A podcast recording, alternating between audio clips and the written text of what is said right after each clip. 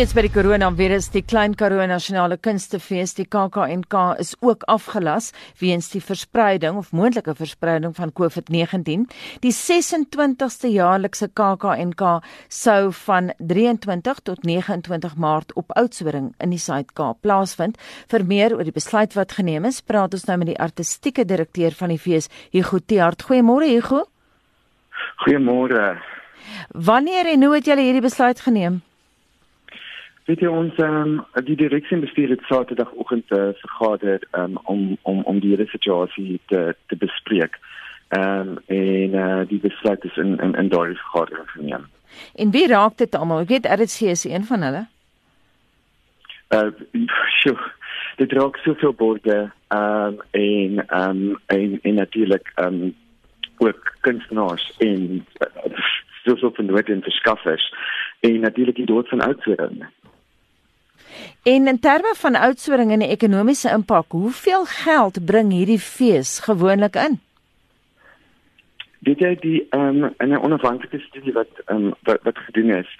Ehm um, is die uh, is die ekonomiese inspuiting in in oudsoring ehm um, op geraam op 56 miljoen. Ehm um, en in die in die, in die, die Weskaapstreek op 161 miljoen. Hmm. Dit is vir nog 'n enorme impak. Hier gaan daar's ook mense, ek onthou uh, laas keer toe ek daar was by die KAKNK, daar is mense wat tydelike werkies kry tydens die fees. Ja, ja, dit is natuurlik um, die fees is is is is is 'n platform wat wat werk skep ehm um, binne die uitvoeringsstreek. Ehm um, en dit raak baie baie tydelike werkers tydens die fees. Ehm um, dit is net 'n kyk na die restaurante en ehm um, weet jy die die daai distrik is natuurlik baie afhanklik van toerisme en kok en koop vir 'n groot deel van van dit ook. Ehm um, en ehm um, dit dit dit monde is ons maar ehm nie so stil stil monde vir toerisme en ehm um, die inspuitings is die kok en koop ekonomies en en besighede en vir personeel wat daar en so drale die die die ehm um, die stil monde. Nou baie van ons luisteraars is ook julle feesgangers. Wat moet mense doen wat reeds kaartjies gekoop en akkommodasie en vlugte bespreek het? Ons is besig met um, met die hele proses en, en en ons sal um, ons ons ons sal met almal wat betrokke is op watter manier ook al uh, kommunikeer. Ego, sou die fees dalk later vanjaar kon plaasvind as ons nou die koronavirus onder beheer kry? Hierdie stadium kyk ons na die on, onmiddellike impak en die onmiddellike effek um, wat dit het op op op, op, ons um, en die hele bedryf. En um, ek dink daardie besluite natuurlik gaan ons graag wou maar dit is alles um, analises en en besprekings wat ons nog beter is meer so ons sal ons sal die, die publiek op hoogte hou um, op ons webtuiste en ook op sosiale media en die media En baie van die kunstenaars wat KAK&K toe sou gegaan het, is absoluut afhanklik ekonomies van sulke feeste. Wat was hulle reaksie? Dit dit is dit is eintlik in in jy sien dan reg en mense is is is is is absoluut die kunstenaars is afhanklik van feeste. Ehm um, en die platform wat dit skep ehm um, vir in, inkomste. Ehm um, regtig geweldig ondersteunend. Ehm um, ek dink ek dink dit is 'n uh, hulle is 'n toonbeeld van van waar waar ons op die oomblik as 'n as 'n land en en in die wêreld moet wees. Ons is almal in so 'n hierdie situasie. En ek dink ehm um, dis nou die tyd dat almal moet ehm um, jy weet saam staan en en in mekaar ondersteun. Net op 'n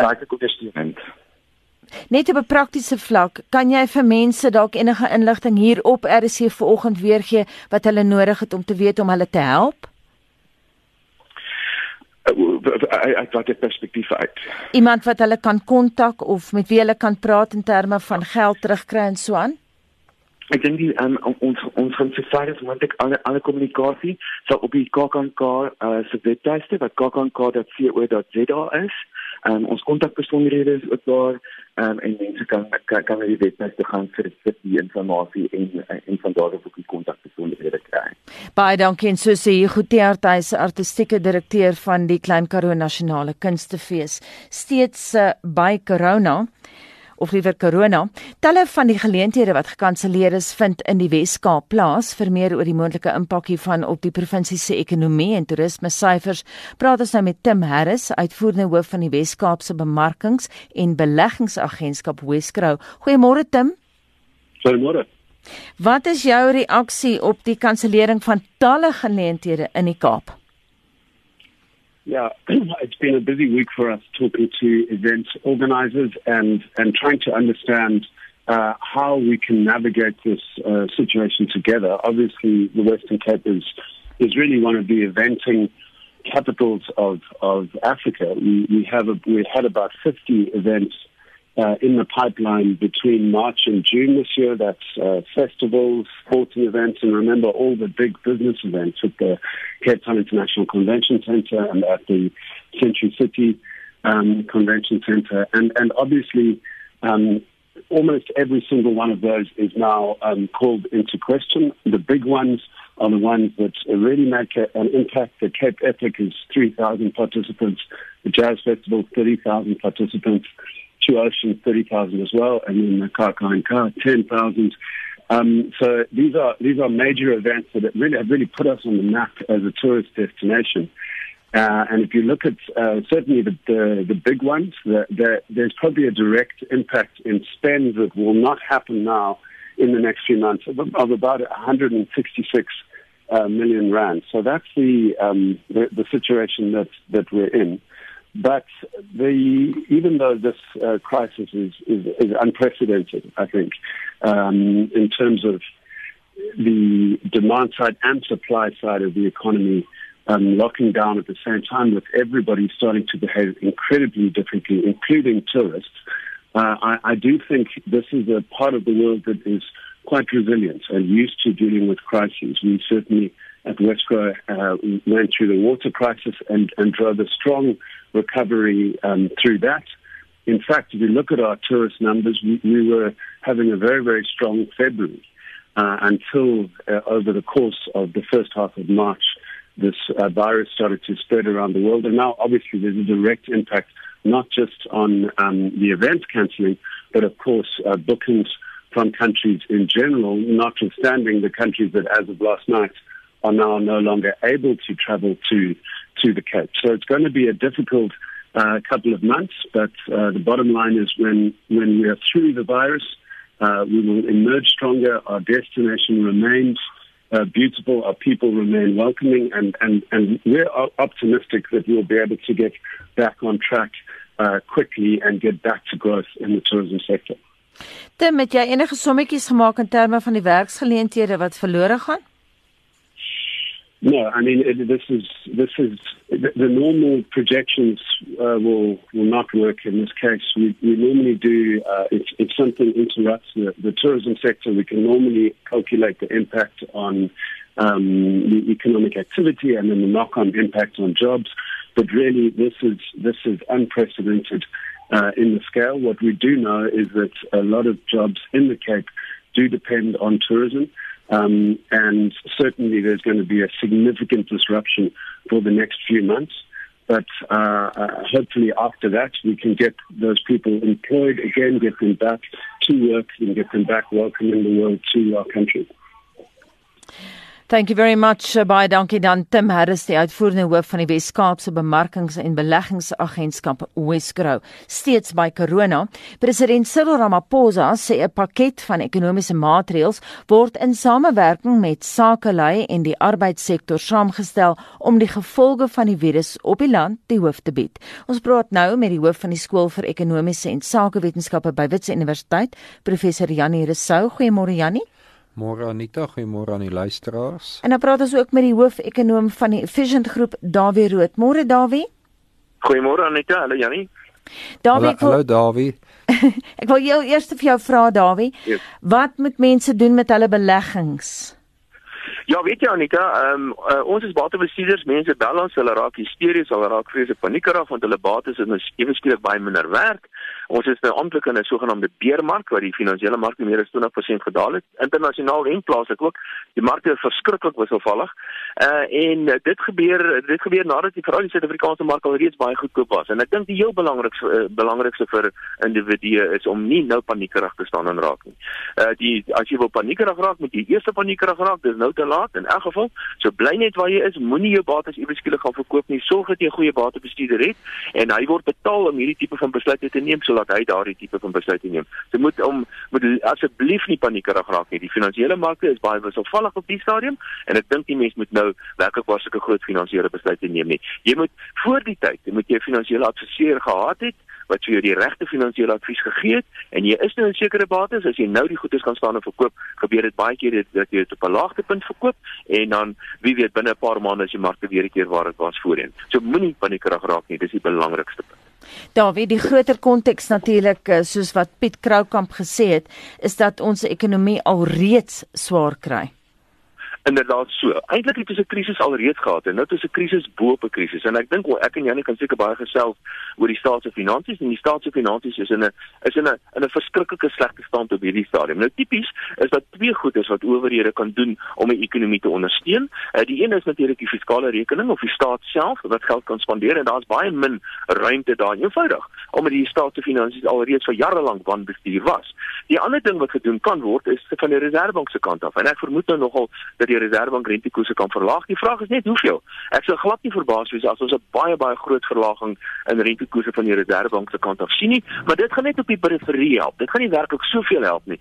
Uh die groot die wat ons eintlik nou nodig het is eintlik die staat wat hierdie fiskale owerhede uh vir ons die ekonomie kan ondersteun, maar ongelukkig is daar nie veel ruimte daar nie.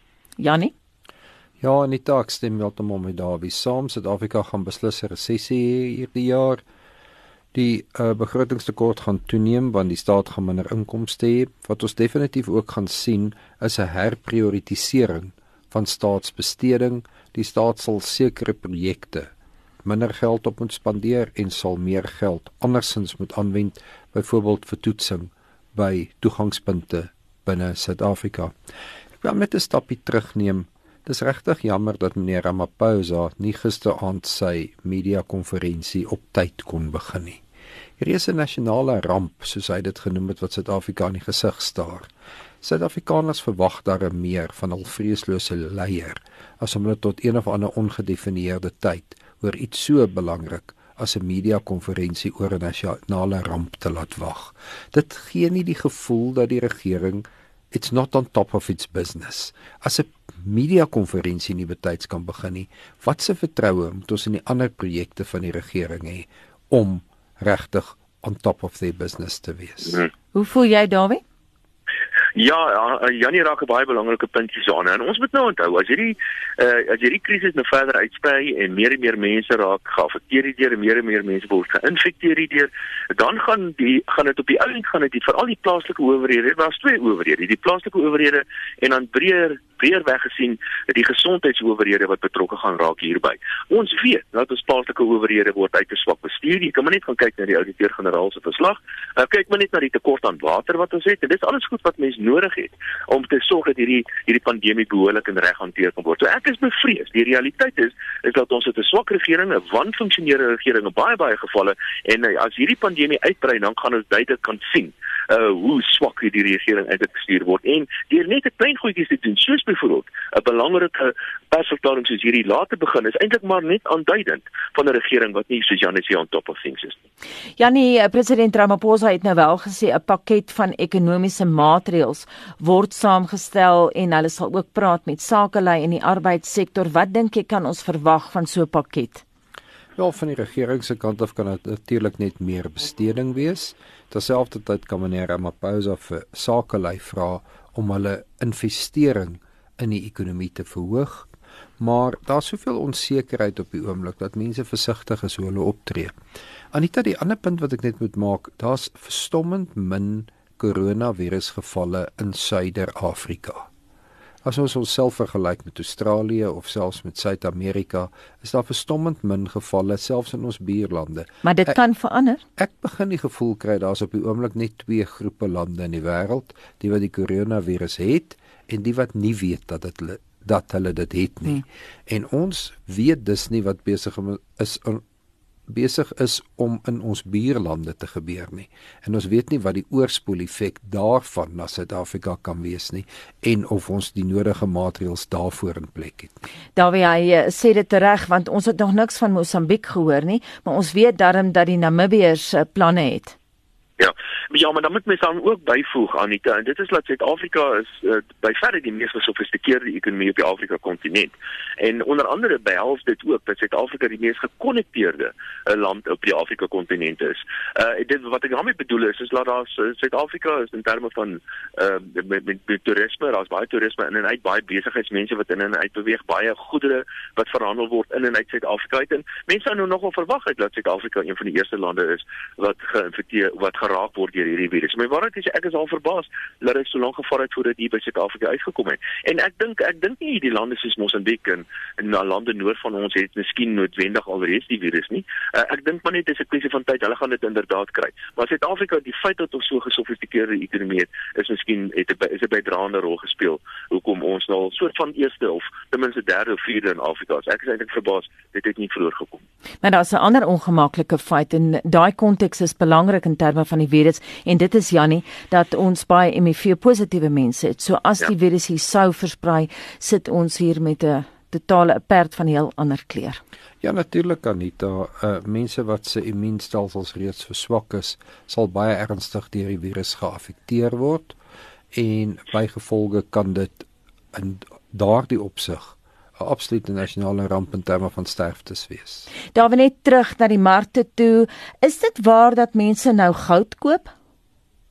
Ja, uh, Anita, dit is baie interessant eintlik dat jy die vraag vra. Mense nog mense sou nogal gedink het dat onder hierdie omstandighede gaan die goudprys absoluut die hoogte inskiet en 'n klompie ander sogenaamde veilige hawens uh bates gaan ook skerp styg styg in in waarde. Dit het nie gebeur nie. Ons het dan nie afgelope tyd gesien dat die goudpryse gestyg het, maar nou onlangs het die goudpryse ietwat begin daal en wat vir my ook baie interessant is is Amerikaans dis nou 'n tegniese ding, maar die Amerikaanse langtermynkoerse het uh, het nie eintlik soveel gedaal as wat ek sou gedink het nie. Nou ek dink dalk mag miskien 'n finansiële rede daarvoor wees deur dat daar miskien groot finansiële instellings is wat miskien van hierdie bates te koop aanbied in die mark omdat hulle self in in in die probleme is, maar maar wat vir my regtig waar vreemd is is die finansiële mark is so 'n soort van gaan in 'n lockdown mode. Daar daar, is nie behalwe vir die aandele beurse wat nogal reeds baie wisselvallig is, maar die ander goed soos die goudprys is eintlik relatief laag geraak. Die Amerikaners net so te loops. Het rentekoerse weer 'n keer verlaag gisteraand en 'n klomp ander groot sentrale banke het ook al goed uh, dui dat hulle verder 'n monetêre akkommodasie gaan begin toepas. En die Amerikaanse rentekoersverlaging nou is die skerpste verlaging in rentekoerse in die geskiedenis van die bestaan van die Amerikaanse sentrale banke. So die sentrale banke wêreldwyd is besig om rentekoerse en ander maatreëls in plek te stel in 'n poging om hulle ekonomie ook te te ondersteun. Wat ek vermoed gevolg gaan word deur die Suid-Afrikaanse sentrale bank en ander owerhede. Baie dankie en so sê Dawie Rood, hoof-ekonoom by die Efficient Groep en ook in die ateljee vanoggend is professor Janie Resou tussentyd se hoof van die Wits Sakeskool. 727 hier is Bren Piper met stop. Wag, bly nog 'n bietjie. Jou hare bring jou oë so blou. Ek hou van blou, ek hou van jou. Skielik maak my wêreld sin. Jy pas so mooi daar binne in. Nie dat ek dit so beplan nie. Ek wil nie sonder jou aangaan nie. Geen woorde wat jou kan beskryf. Jou lag, jou hart, perfekte lyf. Mooier as die horison. Ek is verlief en dis hoe kom. Van nou af kan jy met my toer. Ek het al klaar my hart by jou verloor. Kan nou stil staan. Ek weet die tyd kan nou stil staan. Stop, pas, bly nog 'n bietjie stywer vas, wil ek jou langer hou. Sal jy wag my? Kyk na my, bly my bly stop, wag, bly nog 'n bietjie. Jy het al klaar my hart gesteel vir jou. Sal jy wag my? Kyk na my, bly my bly om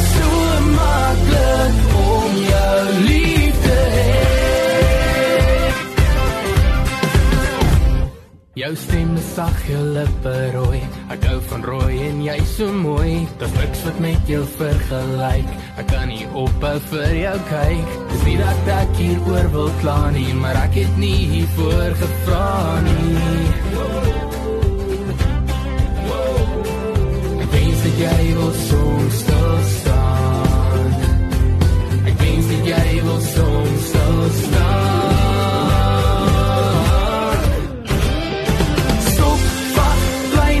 Bietjie stywer vas, wil ek jou langer hou. Sal jy wag my, kyk na my, by my bly stop, wag, bly nog 'n bietjie, jy het al klaar my hart gesteel vir jou. Sal jy wag my, kyk na my, by my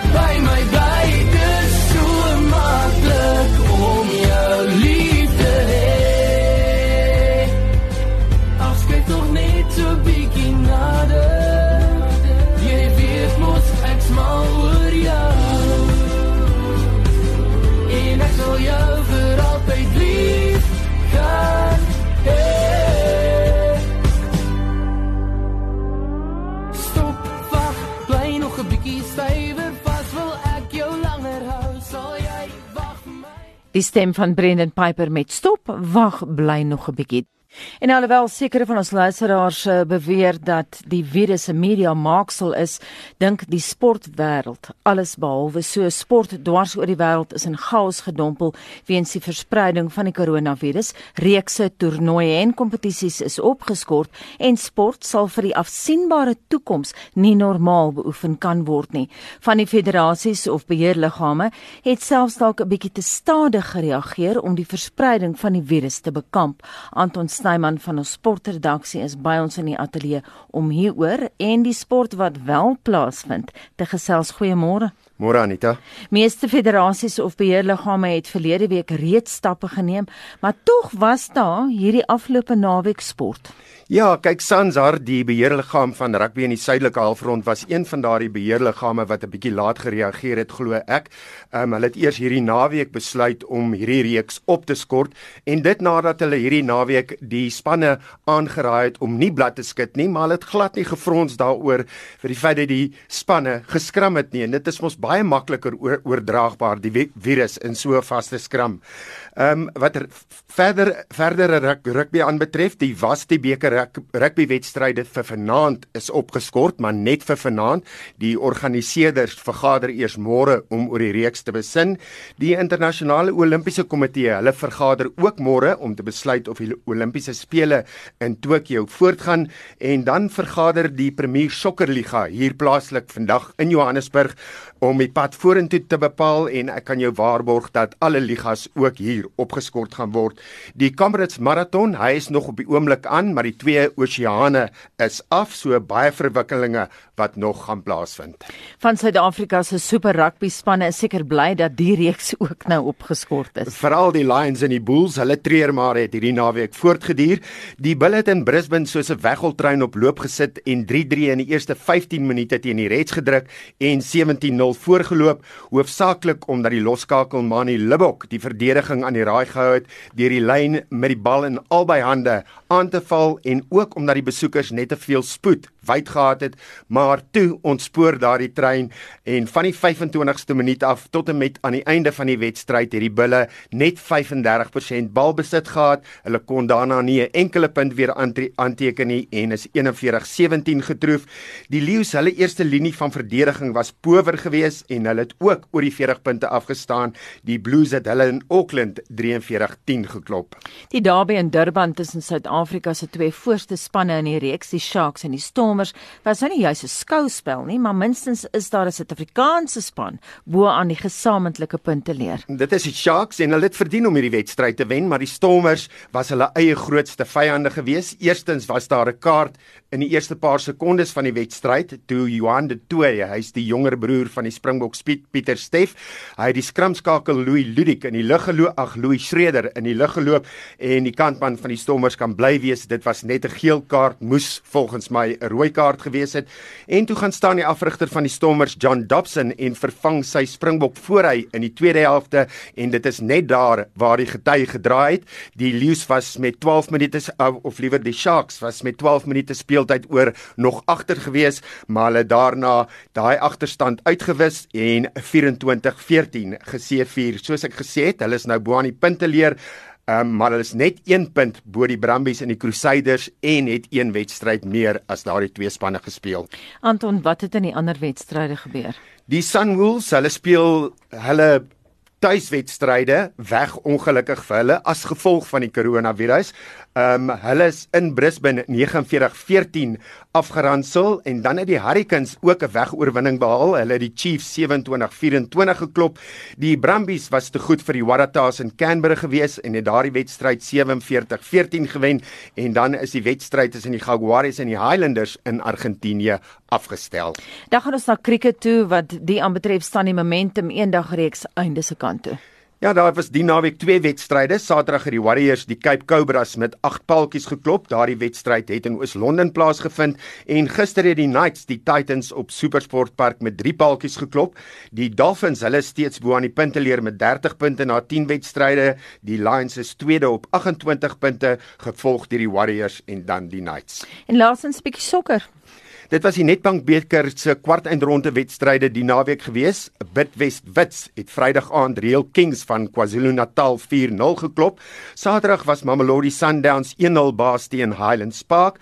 Baraka FC het die Polokwane Derby gewen. Hulle het die Black Leopards ook 1-0 verslaan en gister se wedstryd tussen TS Sporting en Bloemfontein Celtic Celtic moes met strafdoele beslis word en Celtic het daar 3-2 geseëvier. En dit was Anton Snyman van ons sportredaksie. Terug na corona. Lande reg oor die wêreld het Saterdag voortgegaan om grense te sluit, strenger ingang tot die lande te handhaaf en kwarantynemaatreëls in te stel in volgehoue pogings om die verspreiding van die virus te beperk.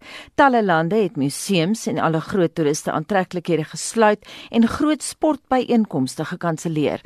Essie de Klerk het met twee Suid-Afrikaners gepraat wat onderskeidelik in Frankryk en Suid-Korea woon. Twee van die Europese Unie se grootste state, Spanje en Frankryk, het in Italië se voetspore gevolg om noodmaatreëls aan te kondig om die verspreiding van die koronavirus te beperk. In Spanje word mense verbied om hul huise te verlaat behalwe om noodsaaklike voorraad en medisyne aan te koop of om te gaan werk. Teen gister was daar 191 mense wat in Spanje gesterf het, naas Italië die land in Europa wat die ergste geraak word.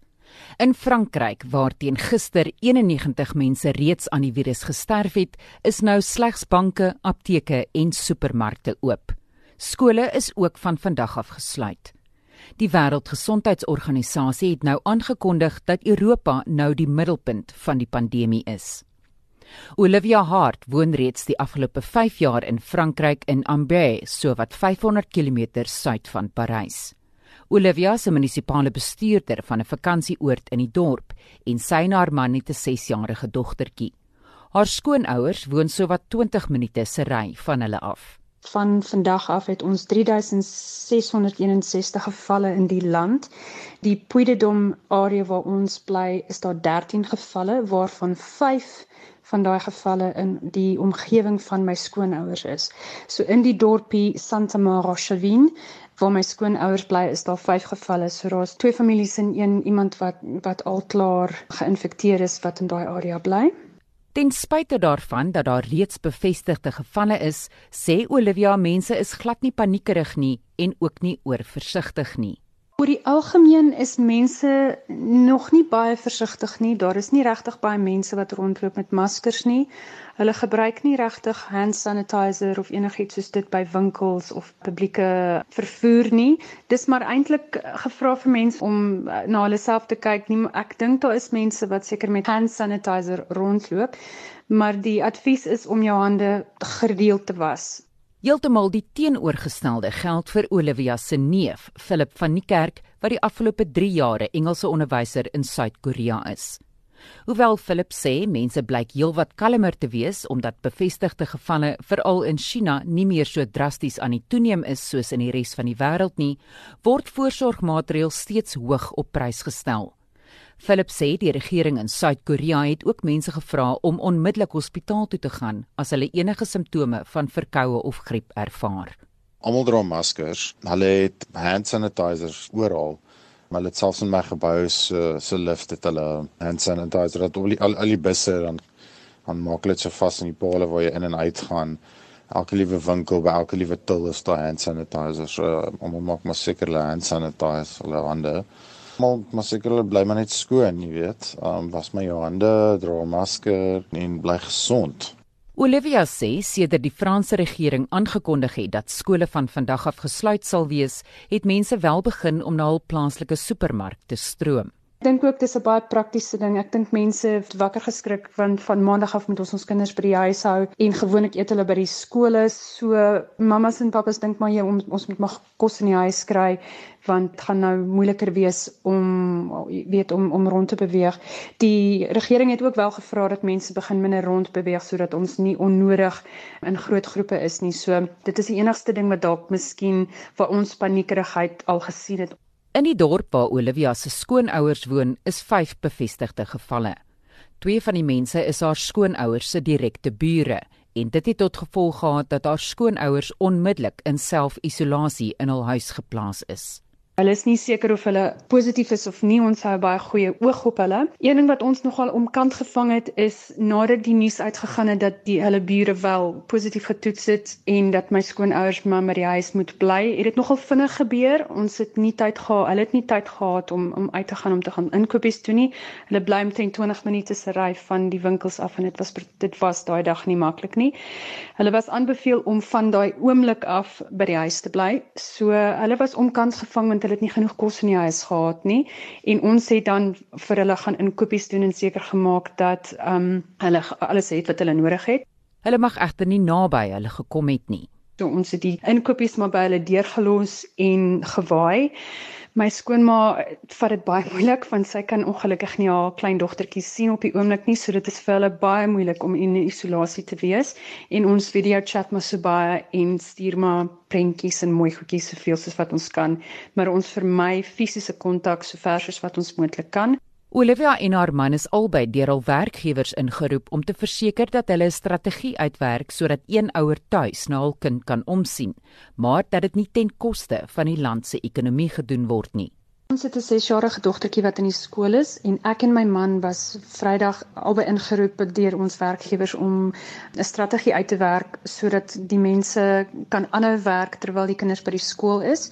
So dit beteken vir ons dat een ons ons kan ons dag opbreek in twee helftes. So ek werk in die oggende en my man werk in die middag en maar werk so klein bietjie langer en dan ter, so kan ons ten minste een van ons by die by die huis wees terwyl die ander by die werk is. President Macron se groot um ander boodskap was ook om seker te maak dat die land se ekonomie nie swaar kry terwyl ons in hierdie situasie is nie. So ons moet almal nou saam staan om seker te maak dat um terwyl die skole wel toe is en ouers moet by die huis bly om na die kinders te kyk, dat ons wel nog steeds produktief bly. Die Franse regering het 'n beroep gedoen op ouers om nie hul kinders by hul grootouers te los nie, omdat die gesondheid van bejaardes veral 'n prioriteit moet wees. Philip sê die regering in Suid-Korea poog derentyd om mense kalm te hou. Die regering se boodskap is baie positief. Um, in die begin was hulle bietjie stadig geweest. Maar toe hulle nou uiteindelik aan die gang kom hierso was hulle boodskap baie positief. Hulle het net vir mense gesê oor die bly net positief. Hulle het regtig toe hulle nou uiteindelik die plan uitgewerk het wat hulle gaan doen het, um het hulle regtig na die publiek geluister. Vir die publiek gevra wat moet hulle doen en um en hulle maskers was op en toe die die regering letterlik 'n task force soos wat hulle gesê aan ingebring en toe sort hulle dit uit. Hulle het vinnig weer maskers gekry en hulle het net vir die mense gesê hulle moet net sterk bly en en, en veg en maar net kalm bly. Dit was baie belangrike boodskap wat hulle gestuur het vir die vir die mense. Philip se raad aan Suid-Afrikaners is om kalm te bly. As mens nou een ding kan leer van die Koreaanse regering en die Koreaanse mense is dat mens net kalm moet bly. Jy moenie paniekbevange raak nie. Niemand het paniek inkopies gedoen nie. So daar is nog duisende produkte op die rakke. Al wat uitverkoop het was die hand sanitizer en al die maskers. Maar wel het hulle dit weer vinnig vervang. Die enigste ding wat nog 'n bietjie van 'n probleem is is die maskers. So wat ek kan byvoeg is net bly kalm. Moenie paniek vir bevange raak nie. Moenie paniek inkopies gaan doen nie. Uh dit is regtig glad nie nodig nie. En Olivia stem saam, maar raai tog aan dat mense ook voorbereid moet wees.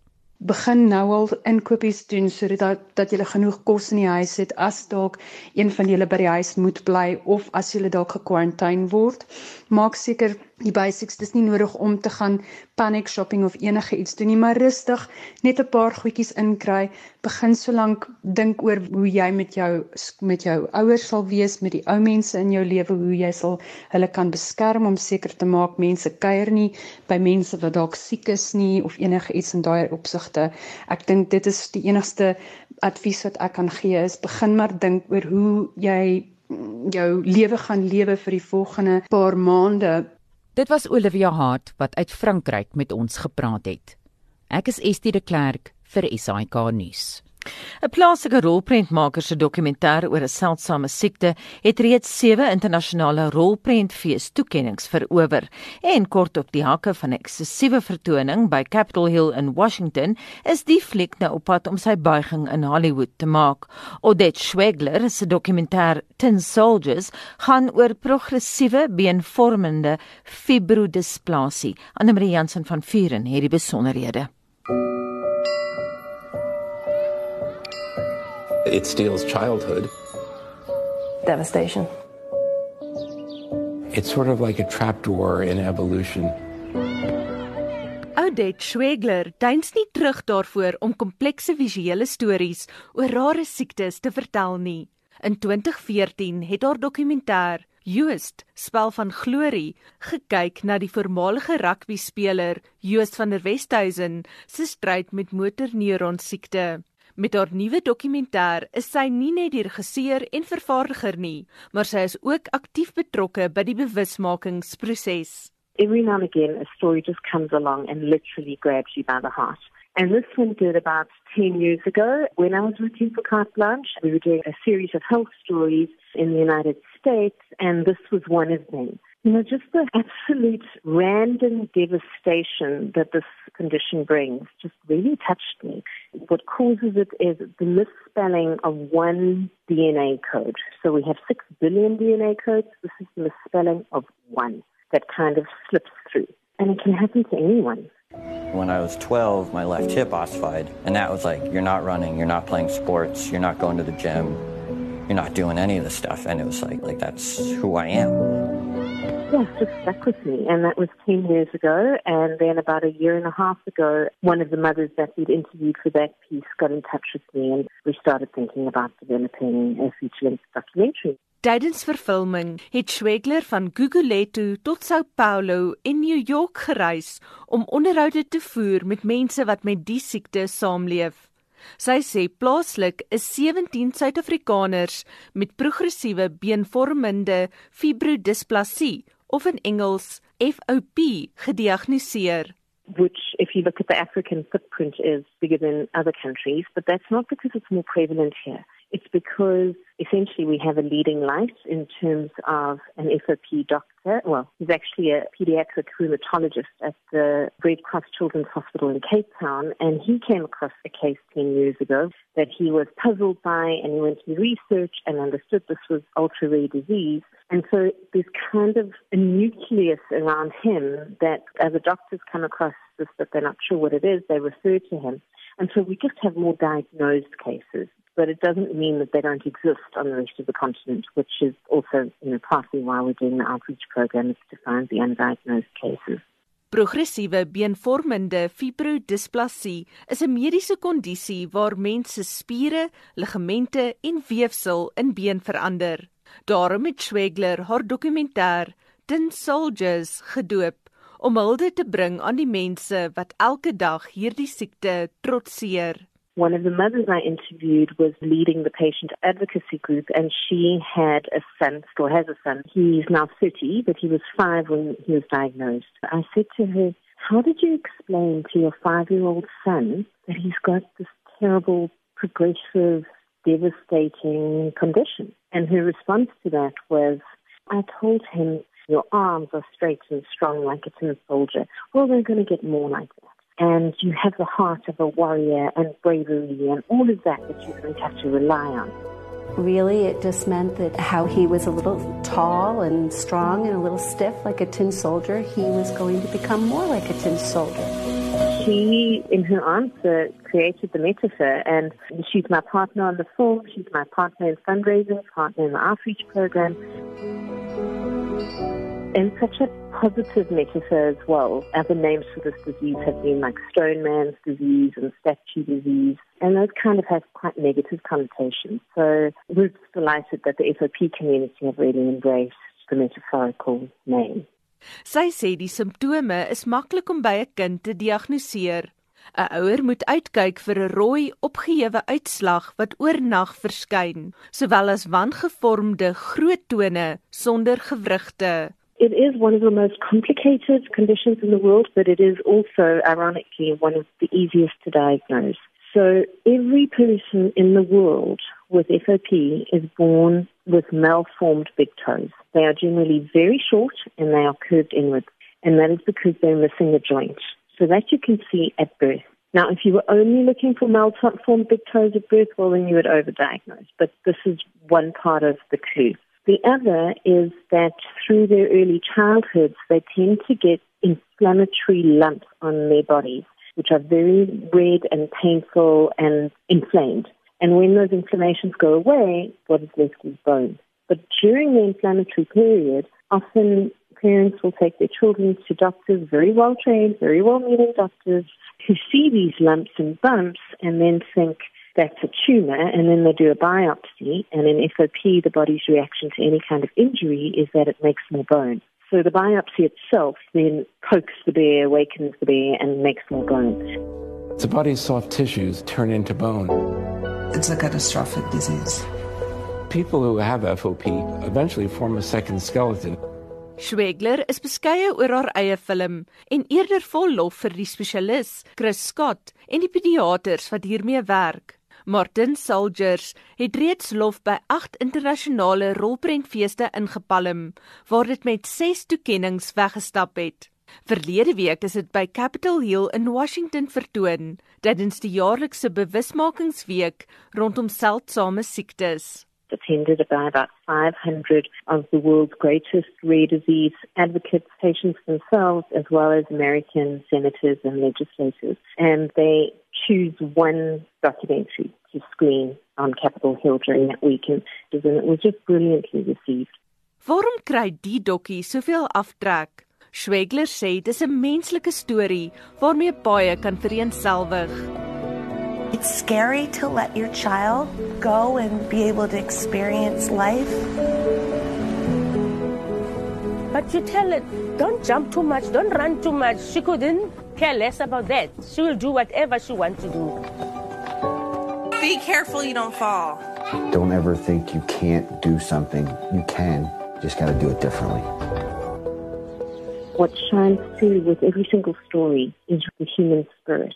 And I think that's what people relate to. I know it's what I relate, given this wonderful privilege of being entrusted with other people's stories to tell. That's really what drives the narrative. And so I think there's something to relate to in the film, whether you have a child who has a rare disease, whether you have a rare disease yourself, whether you understand disability or not. It's certainly something that I think every single one of us can relate to. And I think that's partly why it's gotten the traction it has that diagnosis is vital. If I was one of those mothers with a child, I sure would want someone somewhere to care enough to search. Intussen bly een persoon naby, die 30-jarige jong man wat nou verskeie behandelings kan probeer, maar vir wie dit eintlik te laat is om te herstel. Schwegler sê, die jong man se lewensfilosofie is om elke dag positief en voluit te leef. How many of us go, I'll be happy when I get a better job or when I lose some weight? So I think there are lots of those moments in the film that make us all just think a little bit about how we live our own life. Die dokumentêre rolprentmaker, Odette Schwegler, en ek is Anne Marie Jansen van Vuren vir SAK nuus.